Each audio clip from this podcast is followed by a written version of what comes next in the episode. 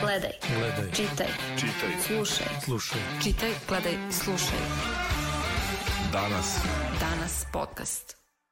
Pozdrav svima koji gledaju i slušaju danas u podcast. Ja sam Vladimir Maričić. E, Svetska tema broj 1 prethodna dva dana jeste napad Rusije na Ukrajinu.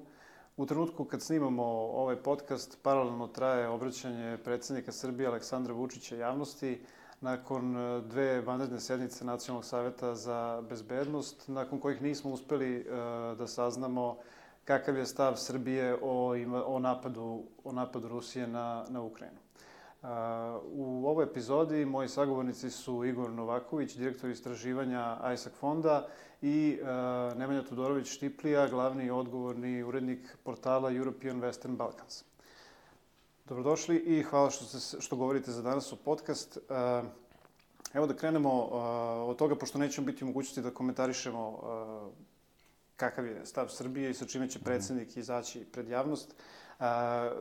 Kako, kako gledate na ovo odugovlačenje i na kupovinu vremena u smislu da smo među možda redkim zemljama u Evropi koje se nisu, koje nisu izašle i osudile napad Rusije na, na Ukrajinu? Pa, ako sagledamo sve, ovaj, očigledno je, ako uzmemo sve ove sve činjenice u obzir, od onog saveta, održanja saveta za nacionalnu bezbednost u ponedeljak pre, pre nego što je predsednik Vučić otišao u Monako, a, a to je bilo neposredno pre najave Vladimira Putina da će doći do priznanja ovih separatističkih oblasti Luganska i Donjenska. Ovo, očigledno je da naš državni vrh verovatno ima neke informacije koje, koja šira javnost nema i da pokušava verovatno da se u skladu sa razvojem do, ovaj, događaja što bolje pozicionira svakako i za liberalni deo javnosti i za, i za veći deo evropske javnosti takav sta, takvo dugovlačenje je ajde da kažem, ne porazno, ali, ali stvar, za, ovaj, stvar za kritiku. I čuli smo već od nekih europoslanika da su stigle, ovaj, da, su ve, da su već stigle kritike. Međutim, um, mislim da ovaj, u stvari se poku, pokušava da se izbalansira što je više situacija i da u oportunom momentu mi izađemo sa nekim stavom kojim ćemo osigurati da, da, ovaj, da baš ne, ne produbimo jaz sa Rusijom, a sa druge strane, ove strane da jasno kažemo našim zapadnim partnerima da, da, da smo ipak, ipak na strani Ukrajine u, u, u svemu ome, makar načalno.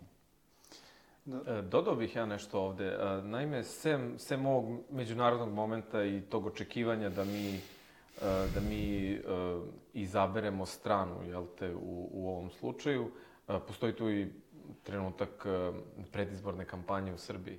Mislim da je to, da je to našim vlastima možda i mnogo važnije od, od od, te, od, tog, don, od toga da odluku donesu brzo i na onaj način na koji možda naši zapadni partneri očekuju.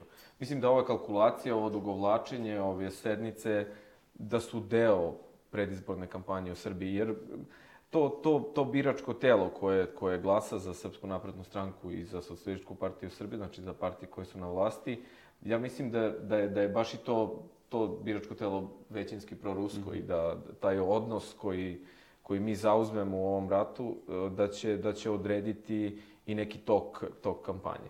Mislim da, e, da našim vlastima jel, ovo u ovom trenutku uopšte nije trebalo. Da. Da, ali ima, ima i još jedan vrlo bit, ovaj, bitan faktor, i on je vrlo praktičan, a to je ovo energetsko pitanje, odnosno snabdevanje sa energentima. Setite se, mi smo ispregovarali, po znacima navoda, u stvari dogovorili se sa ruskom stranom da ćemo pregovore oko novog dugoročnog ugovora o snabdevanju prirodnim gasom ovaj, imati u, u aprilu, nakon izbora.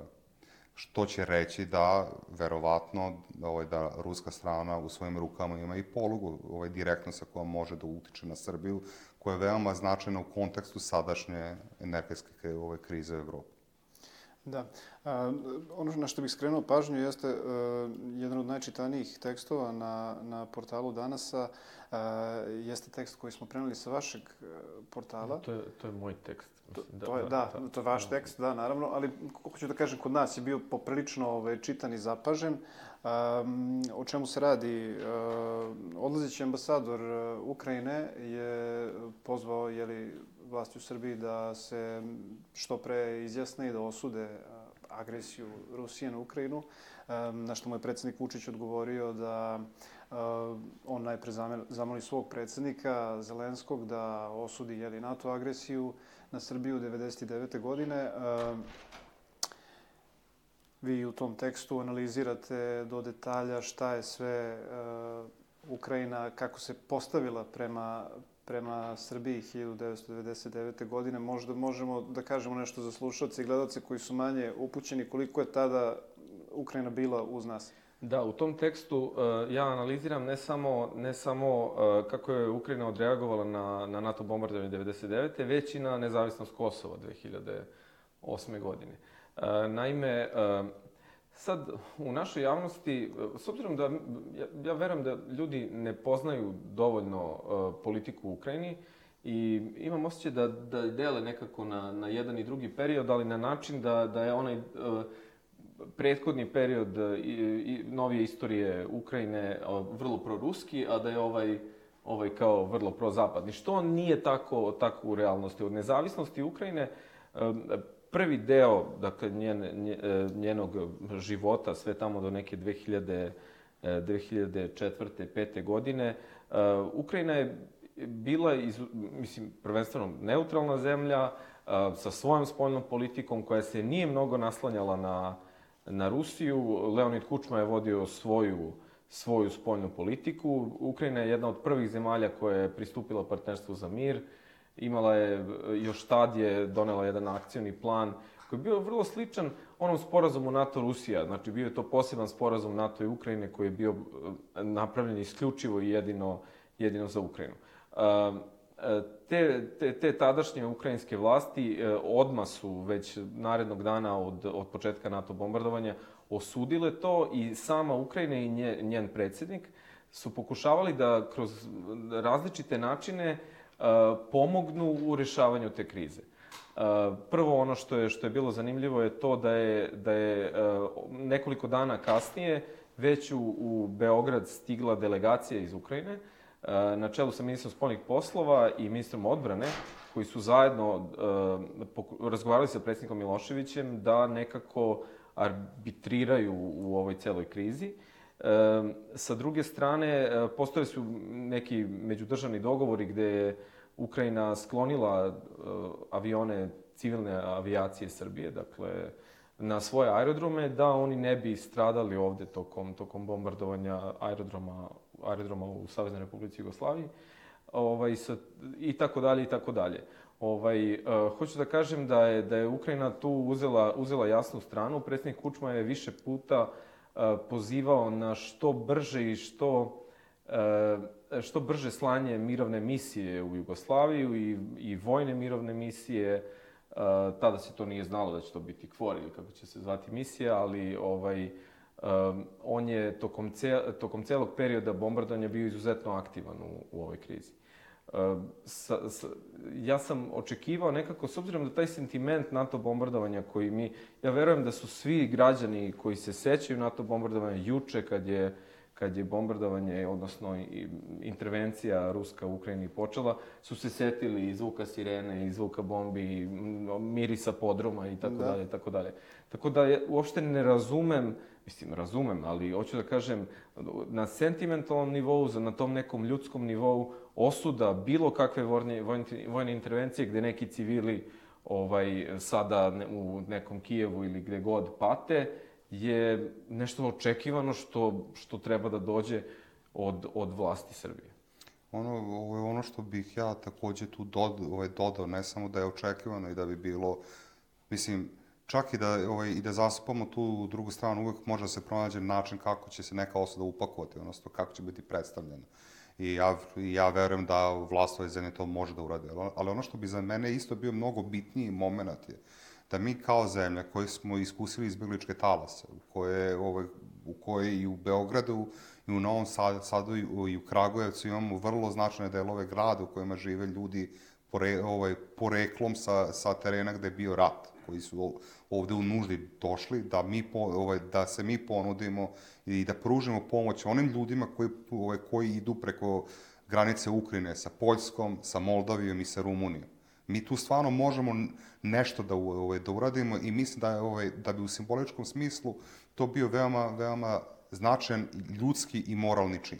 Među, ovaj, međutim, ovim, kako bih rekao, prolongiranjem mi čak, čak gubimo i šansu da takvim je, je, je jednim činom isteknemo neke sim, ove simpatije. Ali, znaš, kao ja, ja verujem da bi i zapadni partneri, bilo ko, ako nas uopšte pritiskaju oko, oko sankcija, da bi razumeli poziciju, osuđujemo uh, intervenciju, osuđujemo svaku vojnu akciju i tako dalje, tako dalje, narušavanje teritorijalnog integriteta Rumunije, ovaj, Ukrajine, Ali, sa druge strane, što se tiče sankcija, tu morate da nas sačekate da vidimo kako ćemo, šta ćemo, ali ovo što je osnovna stvar osuda ovakve intervencije, koje se, kao kažem, i mi živo sećamo vrlo slične situacije, ne znam zašto je ona izostala i što se sad to toliko čeka.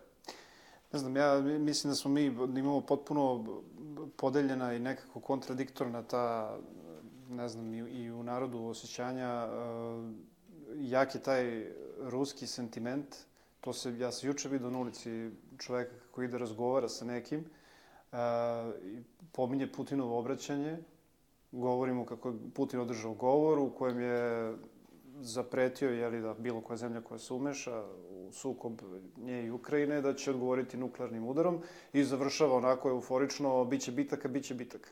To je naravno izolovan slučaj, ali uh, hoću da kažem, malo je to sve uh, kontradiktorno uh, kod nas. Mi imamo, znamo, vrlo dobro narod zna šta, šta znači ratovati kao što si sam rekao, Igore, imamo da dosta ljudi koji su poreklom sa zaraćenih područja došli i žive, niko ne voli, ne voli tu situaciju, a opet nekako se stičucak se navija za Rusiju. I... Gledajte, mi, mi ovde imamo, ja mislim da za nas ova situacija puna emotivnog naboja. Prva stvar, mislim da je generalno znanje i u Ukrajini i u Rusiji šta te dve države predstavljaju njihove istorije veoma ograničeno. Mi imamo u stvari jedan vrlo zamagljeni spektar gde mi zamišljamo u suštini da sve one teritorije koje su nekada bile deo Ruskog carstva u stvari i dalje pripadaju Rusiji, odnosno treba da budu pod Moskvom.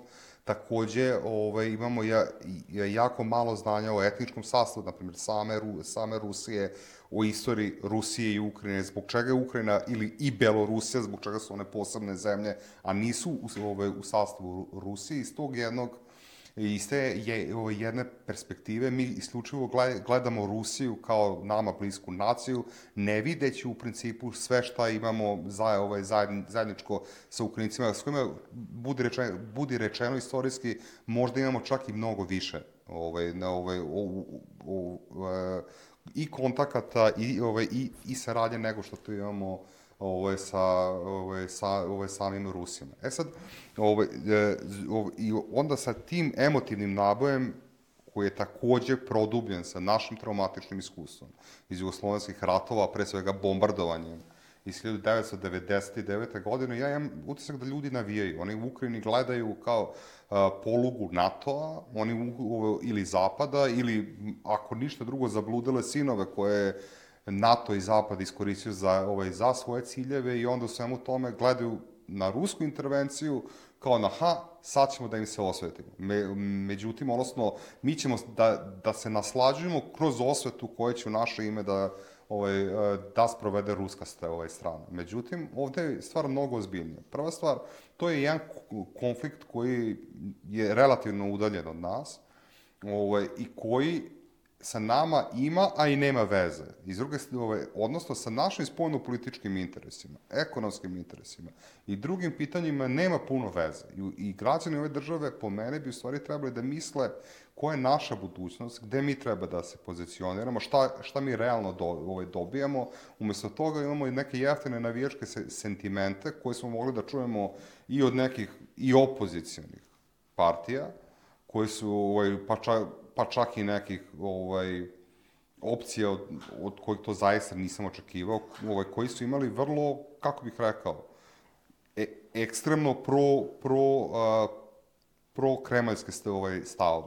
Ta, o, i, I pozivajući Vučića da ovaj, se nikako ne, da ovaj, niti osuđuje, niti uvodi, uvodi sankcije, što je meni, mislim, čemu sve to?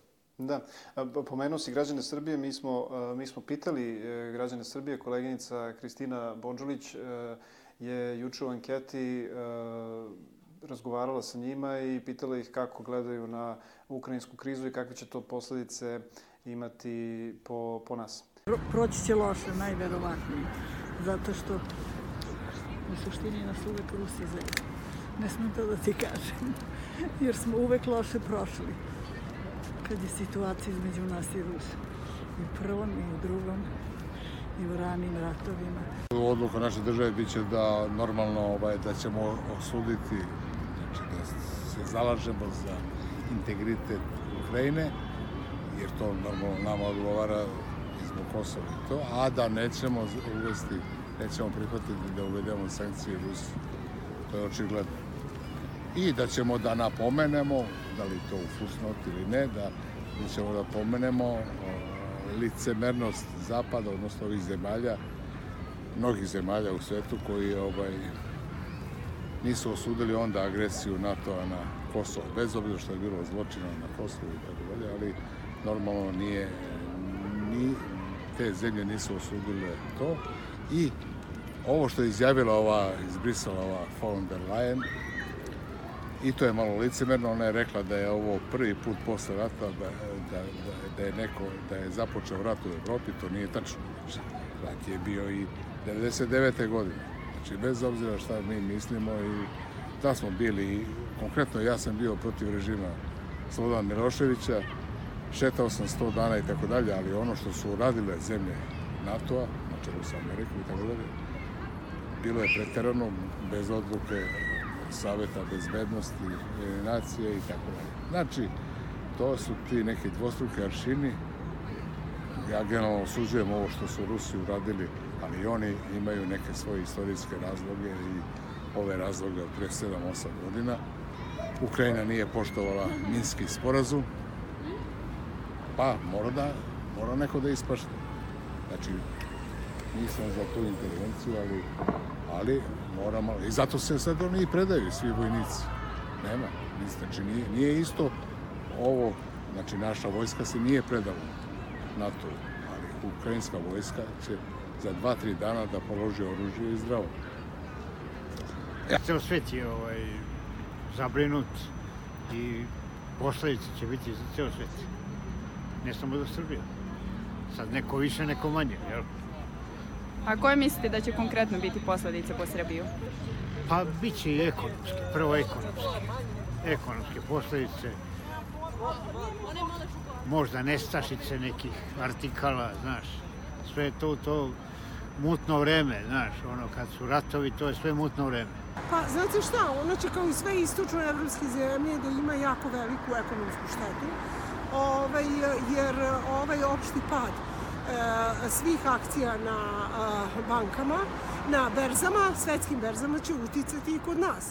I posebno što će, e, na, naj, odnosno najveći, kako da kažem, pritisak će biti na zaposlene, odnosno na radničku klasu, isto kao i u Rusiji i Ukrajini, koji će da plate jako veliku cenu, a i u zapadnoj Evropi, jako veliku cenu ovakvog rata ali ovo je sve, kako da kažem, rezultat tog, te, tog strašnog desnog udara koji je a, krajem, a, devede, krajem 80-ih i početkom 90-ih se desio na svom prostoru, odnosno to je, kako je kod nas rat u Jugoslaviji bio posledica raspada Socijalističke federativne republike Jugoslavije i privatizacije, tako je i ovaj rat u, između Rusije i Ukrajine a, posledica raspada Sovjetskog saveza i privatizacije kod nas društvene svojine, tamo državne svojine.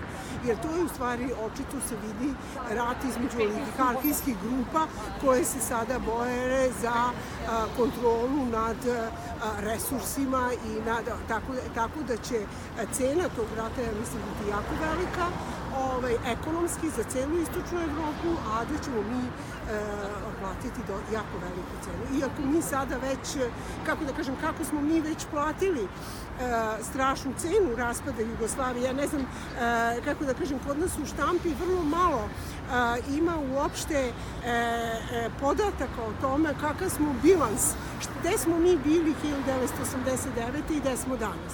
Na primjer, Srbija danas ima samo 40% a, društve, domaćeg bruto proizvoda, onu kakav je imala 89. Slovenija, na primjer, 70%. Znači, ka, kakva je bila strašna cena raspada Jugoslavije u tom e, ekonomskom smislu, taka će biti i strašna cena svega ovoga što se dešava između Rusije i Ukrajine, ne samo za e, radničku klasu Ukrajine i Rusije, nego za celu istočnu Evropu, a naravno i za... Čuli smo šta su građani Srbije rekli u anketi i evo kao što, e, što smo mogli da, da vidimo, dosta njih se osvrće na ekonomske, na ekonomske posledice, e, da bi cene mogle da idu e, više nekih namirnica, gasa, energenata, svih tih stvari. u tom smislu, ono, ja verujem da su ljudi već počeli možda i da prave neke zalihe, možda se to i ne, ne osjeća u ovom trenutku, ali uh, bih da se osvrnem na ove sankcije uh, kojima su zapadne zemlje reagovale na, na Rusiju. Uh, ono što neki stručnjaci govore da, su, da one nisu u toj meri jake i da Rusija, na primjer, nije isključena iz, iz SWIFT-a, A, možeš li, Igor, nešto više da nam kažeš o tome? Pa ne, to je ovaj, opcija koja se veoma spekulisa, uh mhm. -huh. ovaj, spekulisalo tokom prethodnih mesec dana kako su Rusi gomilali, gomilali svoje trupe, kao kako treba da bude odgovor Zapada i jedna od opcija koja je ozbiljno razmatrana je izbacivanje ovaj, Ru, Rusije iz, iz SWIFT-a, koji je u stvari međunarodni sistem ovaj, za, ovaj, za, za brza plaćanja. Međutim, izbacivanje Rusije iz SWIFT-a bi imalo dve posledice koje su vrlo ozbiljne. Da, dakle, činjenica time bi se veoma naškodilo ove, Rusiji, odnosno e, ruskoj industriji energenata, zato što ne bi mogli više da ih naplaćuju. Odnosno, sve ono što se isporuči Zapadu, pre svega, ne bi moglo da bude naplaćeno, ali sa druge strane to znači da bi vrlo verovatno Rusiji prestala i sa isporukama koje ima sada trenutno, zato što ne bi mogla da ih naplati. Jel? Drugi, ovaj, druga stvar koja je strateški, čini mi se, bitnija, eh, je, je da Kina sama ima svoj sistem za, ovaj, za plaćanja koji, koji nije toliko jak kao SWIFT, ali on postoji i vrlo verovatno da bi se Rusija onda u potpunosti krenula ka Kini.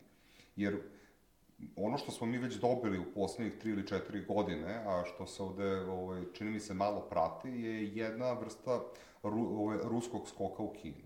To je opcija koja, koju Rusija od početka samog nije želala. Ovo je ona je počela, čini mi se, da, da se razvija onog momenta kada je dogovorena snaga, izgradnja ovog gasovoda snaga Sibira. Međutim, sada, nakon posete Pekingu, Putina, koja je bila pre par nedelja, e, potpisano je nekoliko dokumenta koji predviđaju ja, ovaj jačanje te saradnje i moj lični utisak je u stvari da je to jedan strateški skok Rusije ka Kini i da Evropa u cilju da Evropa izgubi onu težinu koju je imala do sada. Dakako, Rusija neće odustati od isporuke ove energe, energenata u Evropu, ali čini mi se da je to u principu da je namera da ona postane manje prioritetna od istočnih partnera, bez obzira možda što će cena gasa koja će biti isporučena istočnim partnerima biti manja. Da. Nemanja, šta ti misliš, da, koliko će ovi događaji u prethodnih nekoliko dana ubrzati možda i naš, uh, prijem naše zemlje u, u EU ili NATO? Uh, prijem Srbije u EU i NATO. Ovaj, um, ove, uh, dakle, u, u ovom slučaju, mislim, primećujem da je, da je u stvari glavna tema to da li ćemo mi da se pridružimo sankcijama koje Evropska, Evropska unija uvodi. Uh, um, i, i drugi zapadni partneri. Uh, i ja koliko, koliko sam pratio od početka krize, znači od pre neki dan, već je bilo 4-5 deklaracije visokog predstavnika o, o Rusiji. Naravno, još uvijek mi nismo, nismo zauzeli stav o tome. Pitanje je da li su neke od njih i stigle. Dakle, to, ovo, one kad ih objave, ono, odnosno kad ih usvoji Evropski savet, uh -huh. ovo, one se onda objavljuju od strane visokog predstavnika, onda ide formalni poziv, tako da u principu nije to tako automatski, Automatski kao što ovaj, se kod kao nas očekuje, da. čini. I to je isto možda i razlog za, ovaj, za odlaganje, zato što ovaj, vidim da s- neko prolazno vreme. E, Vidim da su, se, da su se u medijima pojavile spekulacije o tome da je, da je već nešto stiglo, da, da to mi nismo usvojili. Radi se o odluci saveta o uvođenju sankcija gde decidno se tu govore i o ličnostima i o to, ali ja mislim da, da to neće biti deklaracija visokog predstavnika, da je ona, ona mnogo uža i formalnija u odnosu na, na ovaj paket sankcija koje je Evropska unija, odnosno savet uveo e, pre, pre neki dan. E, radi se o tome da ovaj e, da mi da taj taj naš dualizam spoljne politike koji je koji je sve prisutan već nekoliko godina e, kod kod uvođenja ovih sankcija e, zemljama i taj taj trenutak da mi kod zemalja koje jel nisu priznale Kosovo ili imaju nekako drugačiji stav o tome e, te deklaracije visokog predstavnika ne usvajamo. Ti se baviš time time konkretnije, pa možeš možda i detaljnije, ali zanimljivo je to da da, da Evropska unija nije tu zamerala kad mi ne uvedemo neke sankcije Gvatemali, Venecueli ili ne znam kome, ali je specifično to de, gde mi u nekom sporu, kakav je ukrajinski, još ranije, od 2014. na ovu stranu, nismo usvajali deklaracije koje se tiču Krima, Da, ovaj, u principu to, to i ne znači ovaj, da, da mi donosimo svoju so, sobstvenu deklaraciju. Nego samo mi i Europskoj uniji dajemo notifikaciju da se Srbija usaglašava sa deklaracijom visokog predstavnika i sa eve- eventualnim merama koje iz nje ovaj, proizilaze. Zato što deklaracije mogu da se pozivaju u stvari na, na odluke ovaj, Saveta Evropske, ovaj, Evropske unije koje su vrlo često restriktivne mere. E sad, ovaj, da kako je Evropska unija, vi kada pogleda, pogledate čitavu tu a, strukturu deklaracije koje se iz godine u, u, u, u godine ne objavljuju, neke su stvarno minorne po značaju. Tipa imate godišnje e, godišnje ove, deklaracije kojim se ob- obeležavaju godišnjice određenih značajnih dana, tipa ovaj, dan protiv ove, e, dan protiv nasilja prema ženama, naprimjer. Ne kažem da, ovaj, da je to beznačajno, ovaj, ovaj, beznačajna tema, ali u političkom smislu ne košta puno nikog da, ovaj, da se sa time usaglasi. Onda imate teme koje se tiču dalekih a, ovaj, zemalja koje praktično ni na koji na, način ne utiču na, na našu politiku. I onda imamo teme koje su tiču blisko evropskog prostora, to je Rusija, to su Rusija i Ukrajina, to su cyber napadi na ovaj, e, Evropsku uniju, odnosno na države članice, to je situacija u Siriji, to je Libija, Dakle, to je sve ono što ima i strateški, zaista strateški značaj za Evropsku uniju. I onda se te, te deklaracije, odnosno naše usaglašavanje sa njima i drugačije mere. Međutim, tu ima i još jedan element, a to je procenat usaglašenosti, koje za mene nije pravo merilo, ali ovaj, upravo, upravo zbog toga, pošto imamo deklaracije različitog kvaliteta i težine, Međutim, ovaj, e, za sada čini mi se preizbijanje ove, kri, ove, ove krize Evropska unija je bila veoma zadovoljna činjenicom da je, da je Srbija unapredila procenat usaglašene, usaglašenosti sa nekih 53%, mi smo sada gotovo na 65%. Tako da je time, ovaj, to je ovaj, Vučić obećao Borelju ovaj, Da, da, da. u aprilu prošle godine i to je ispoštovano. Međutim, ovo nas sada stavlja u kvalitetno novu si- situaciju zato što je taj konflikt u Ukrajini nije ostao na nivou onog iz 2014. godine, pa vi iz godine u godinu imate obnavljanje sankcija koje su uvedene zbog ovaj, i zbog Krima, i zbog uh, Luganska, i zbog, ovaj, i zbog Donjecka, ve, već imamo sad potpuno novu situaciju na terenu koja je vrlo ozbiljna i koja temeljno menja bezbednostnu arhitekturu Evrope. Da, po- Pomenuo si, da izvini, ovaj, pomenuo si bezbednostnu strukturu, ne, dosta se pominje u medijima sad da, da ljudi preskaču da je Bosna i Hercegovina kao tu mogla bi da bude na meti i da, da, ovaj, da bi mogla da bude u sferi interesovanja a, Rusije upravo, a, dok je sad jeli, sva pažnja usmerena na, na Ukrajinu. Kako na to gledate? Uh, nekih uticaja ima, ovaj, angažovanja ima i ne samo u Bosni i Hercegovini, čak bih rekao i, ovaj, i, na, i ovaj, u nekim državama koje mi obično zapostavljamo ovaj, kada razmišljamo gde, gde bi Rusija mogla imati utjecaj, na primjer Bugarska. Uh -huh. Dakle, neke aktivnosti ovaj, tu ima, međutim, uh, tu je više problem od izbijanja mogućeg unutrašnje krize između, ovaj, između tamo, ovaj, između političkih aktera koji su tamo. Nedavno je, mislim da, ne, ne spomenjem Dodika koji je ovaj, uh, omniprisutna tema svuda. Trenutno imamo koje, ono što je najznačajnije političko pitanje u Bosni je dijalog oko novih izbora i upravo ovaj, bili su pregovori u Neumu u kome su učestvovali međunarodni posrednici, zatim su oni nastavljeni u Sarajevo oko 10. februara. Ovaj, nije postavljen dogovor oko izbora i Hrvatsko narodno vijeće je izašlo sa zahtevom ponovo za ovaj, za, novo, za novo teritorijalno uređenje federacije koje se može protumačiti kao traženje hrvatskog entiteta. Imajući tu u vidu, takva kri, tamo bi kriza mogla mnogo lakše da eskalira negde, ovaj, e, nego na nekom drugom mestu i tu bi neko malo guranje sa strane, da se tako izrazim, moglo da bude veoma, veoma značajno. Ali u suštini, ako, a, ako šire sagledamo situaciju, ipak i Srbija i Bosna i Hercegovina, i Kosovo i Albanija, odnosno ceo Zapadni Balkan, mi smo okruženi NATO. Da. Dakle, jedino, ovaj, i to sam već nekoliko puta rekao za druge medije, dakle, jedini deo Jadranskog mora koji nije u NATO je izlaz Bosne i Hercegovine u, ovaj, kod Neuma.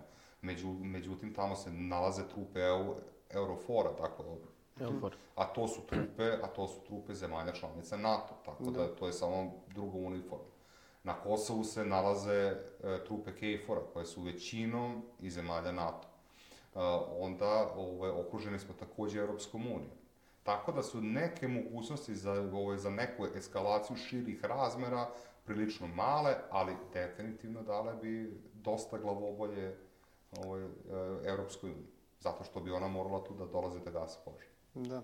A, najavljuje se ova poseta ovog Putinovog bezbednjaka o kojoj si ti na početku pomenuo da je prva ova vanredna sednica Saveta za nacionalnu bezbednost bila posvećena, jeli, a, pretpostavlja se, bila posvećena njegovom dolasku, on će doći sledeće nedelje. A, šta od toga treba da, da očekujemo? Mislim... Pa navodno tema je bila da, da ovaj, će se razgovar, razgovarati o a, građanima ovaj, ko, ovaj, sa, iz, ovaj, iz Srbije i sa Kosova koji se bore na, na strani Ukrajinaca. To je tema koja, ja mislim, po prvi put se pojavila. Prvi put se pojavila, da. da. da ovaj, međutim, ja uopšte nisam siguran da bi dolazak glavnog ruskog bezbednjaka u Beograd u ovoj situaciji tako, tako, bio, bio ovaj, nešto što bi ostavilo dobar utisak mm -hmm. u vezi sa Srbijom. Ta posta u stvari trebalo da bude danas, za ne? 24. ili 25. Pa da, pa je nešto kao, ovo, da, da. Odloženo. I ja, ovo, ja uopšte nisam siguran da će do te poste doći. Tu, ovaj, ako naša strana na to pristane, to je poslalo jako lošu poruku, osim ako nije upakovano u nešto šire, jel, što bi, ovaj, što bi moglo da se prezentuje kao mi imamo neku aktivnost i neku akciju koja ide u cilju smirivanja konflikta u Ukrajini, tako da... Moda ja kao ponovo tu posetu, ako do nje dođe, to će biti fino upakovano u predizbornom smislu ovde. Pa da, okej, okay, ona, je, ne, ona naravno, će sigurno da. biti upakovana, ali uh, verovatno će to dati određeni ovaj, posjecaj u kampanji, ali sa druge strane napreći mnogo više štete ako, ako nema vrlo jasnog opravdanja za nju. Jer meni se čini da će tu i razgovor ići verovatno u nekim drugim pravcima sem oko, oko pitanja učešća ovaj, e, građana se, Srbije potencijalno u konfliktu na strane ukrajinske strane. Da, da, da, da li ovi događaji e, mogu nekako da ovde potpuno promene klimu u Srbiji političku, da na političkoj sceni naprave nekakav uh, zaokret. Meni je zanimljivo bilo ovih dana, uh, dakle, po društvenim mrežama i tako, ljudi očekuju od uh, E, očekuju od e, svih slojeva društva, svih partija da se, da se, da se izjasne o ovoj, ovoj situaciji. I onda taj pritisak, e, mislim, ja Twitteru na taj način ne verujem, mislim, ja mislim da to vrlo mali mediji i onako jedan bubble koji, koji Um, pogotovo koji, u Srbiji. Pogotovo u Srbiji, tako je, ali taj pritisak juče koji je dolazio sa, sa Twittera na to da se opozicija sva i, i ova liberalnija i ova desnija odrede ovoj situaciji. Pa Svi su to i odradili na kraju. I na kraju su svi uradili, da, mislim, ako, ako razumemo, mislim, samo se vlada do sad, mislim, vidjet ćemo, da, nije, nije, nije izjasnila, ali kao taj pritisak na opoziciju, koja, i to još pa van parlamentarnu opoziciju i opoziciju koja nikakvu polugu moći i vlasti nema, da se izjasne, izjasni u ovoj krizi. Sad, kao, s jedne strane, ja mislim da je to, da je to možda i malo namerno tako, tako guranje ovaj, opozicije u to da, da možda u jednom trenutku i, i, um, i, i neko zaista osudi Rusiju. Mislim, vidim da, da i s jedne i s druge strane, kažem i s ovog liberalnijeg i ovog desnijeg e, dela opozicije na, razli, na različite načine reaguju na, na krizu, ali moram da kažem da je rečnik koji, koji je većina ove, ove ozbiljnije opozicije koristila vrlo pristojan. Dakle, osudili su ono što, što, što je kršenje međunarodnog prava i uopšte agresija na, na jednu suverenu zemlju, članicu UN-a. Ovaj, dakle, ali očekujem, ja zaista očekujem da se u, u kampanji koja nam sledi ovo zavrti, ova priča i ova tema. Naravno da se tu pokušava na neki način da se, da se i, i, i opozicija, ka- bi- bilo jedna ili druga, e, nateraju da što više govore o ovakvim temama. Da. A, kako gledate na, na ove teorije koje, su, koje se pojavljuju isto ovih dana, da zapravo zapadne zemlje i NATO puštaju, ovaj, sad prepuštaju Ukrajinu kao što je nas Rusija prepustila a, njima 99. godine. A, Sad, mislim, to je... I da će Rusija dugoročno sebi napraviti e, probleme u, u, u Ukrajini.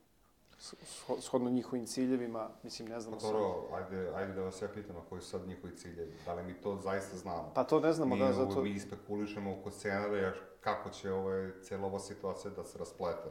Mislim, niko nije verovao Da će ovo da se desi. i da će ovo da se desi. Ja sam, ja sam lično smatrao da je ovaj ceo onaj manevar bio ovaj, radi laškog ulaska u Donjetsk i Lugansk bez ovaj, ono, kad je Putin naja, najavio da priznaju ovaj, te dve republike, ja sam pomislio, ok, pa možda su skupili onoliko vojske da, da ovaj, jer sad kad su ovo objavili, sad ovaj, niko to neće komentarisati, dobro je, nije bilo invazije, ali ona se desila. Tako da, ove, koji je, ove, koji je sad scenarij? Da li Zapad stvarno pušta Ukrajinu? Mislim, dobar deo da je, da je ovaj, Zapad imao zaista ozbiljne namere da integriše Ukrajinu. Onda bi se neke stvari dešavale drugačije. Prva stvar, Ukrajina bi imala status kandidata Europske unije ili bi imala jasnu evropsku perspektivu. Ona to nije imala do dana danas. To je broj jedan. Da je Zapad bio zainteresovan da njoj da ovaj, akt, da je omogući ulaz u NATO, kojim bi bilo moguće aktivirati član 5 Va, Vašingtonskog sporazuma o ovaj, obveznoj uzemnoj odbrani, on, ovaj, Ukrajina bi sad imala plan akcijnog partnerstva. Ona to nema.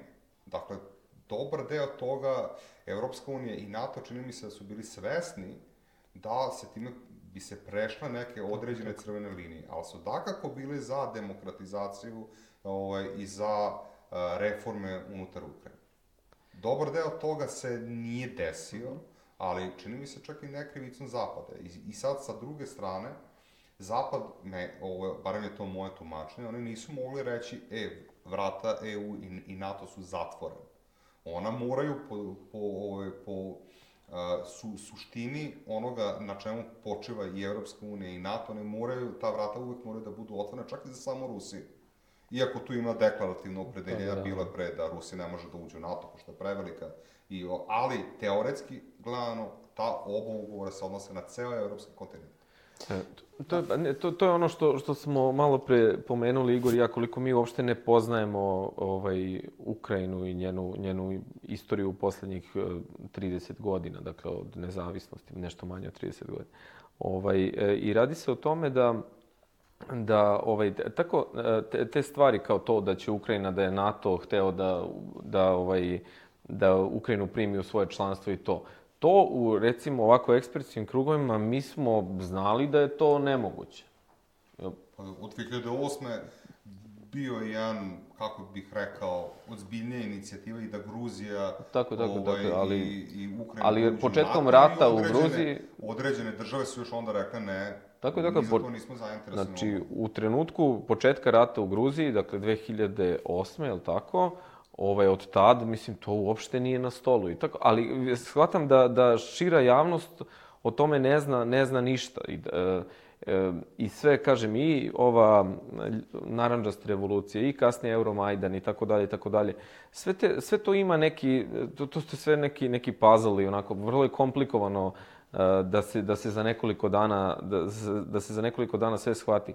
Ali to e, Evropska unija, e, Sjedinjene države su i, i neka politička elita koja je u posljednjih nekoliko godina na vlasti u Ukrajini su zaista zainteresovane za veću demokratizaciju te zemlje, za, za veću samostalnost te zemlje u odnosu na, na sve druge, za otvaranje trgovine koja je možda neko vreme bila vezana isključivo za, za bivše članice SSSR-a, za nje- otvaranje trgovine ka, ka Evropi i tako dalje i tako dalje.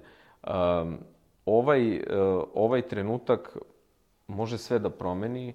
Ja uopšte ne znam koja će izlazna strategija Rusije da bude sad. Dakle, ono, ono što je moje mišljenje sad, ovaj, da će da bude, nisam siguran da će biti potpuna, potpuna okupacija zemlje, mislim da je to, da će to jako puno da košta, ali će Da, se da. verovatno po, će pokušati da instaliraju neku vrstu prije, ovaj, prijateljskog režima. E, činjenica je da ovim Rusija demonstrirala moć, da je ona šef u svom dvorištu, a to, u to dvorište pripada i Ukrajina, kao i druge postsovjetske države, bez verovatno Bez baltičkih. baltičkih država, tako da, ovaj, tako da je ona u stvari rekla otvoreno ovom, ovom, ovim brutalnim činom, rekao bih, da su oni šef u svojoj sferi uticaja i ta sfera uticaja se oblikuje. Podsjetit ću vas u stvari da je, da je Rusija, barem u 2008. godine ili 2007. još za vreme ma, mandata predsjednika Medvedeva, oni su ovaj, e, predlagali uvođenje novog ugovora o kolektivnoj bezbednosti u Evropi.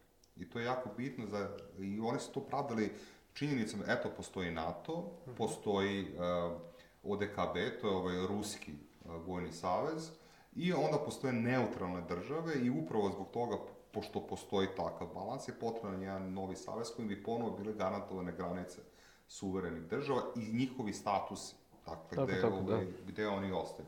Naravno, to je, ovaj, iza svega toga je bila, ovaj, bio, ja bih rekao, istorijski strah Rusije od invazije sa, sa zapada, jer posjetit ću vas, dakle, sva, svaka od invazije na Rusiju u poslednjih 250 godina dolazila je upravo sa zapada i oni, pa čak i za vreme samog SSSR-a, stvaranje Varšavskog pakta, i zbog čega su te, ovaj, i zbog čega je SSSR smatrao da su i potrebne države centralne i istočne Evrope. Upravo, je- upravo je u tome da, da se stvori i, ovaj, jedan lanac, uh, tampon država između Sovjetskog saveza, ovaj, odnosno Rusije i, ovaj, i Zapada. I u, u tom kontekstu treba i, sa, i, i sagledavati odnos Rusije prema, prema Ukrajini. Dakle, oni smatraju da Ukrajina mora, mora da, da ostane ta neka vrsta tampon države. Oni u principu se nisu nešto previše ni mešali u unutrašnji razvoj, ali postala je ta percepcija da da je tu i dalje neka ovaj, ruska čizma, ve, vrlo verovatno zato što su tajkuni koji su Tako je, da. predominantni i dalje u ovom a, ukrajinskom a, javnom i javnom i ekonomskom životu, pa sam Petar Porošenko, bivši predsjednik Ukrajine, neka vrsta tajkuna, ako ne grešim, Da, da, da. kralj čokolade. Da, da. Dakle, oni su imali svi bliske, i dalje imaju bliske veze sa Rusijom i sa tim tržištem. I, i tu ima, ne, neumitno postoji prelivanje i političkih i ekonomskih kultura, komunikacija i ostalo. Tako da oni su i, da, i, i dalje na neki način ostali u toj nekoj ru, ove, ruskoj sferi, iako su hteli da izađu.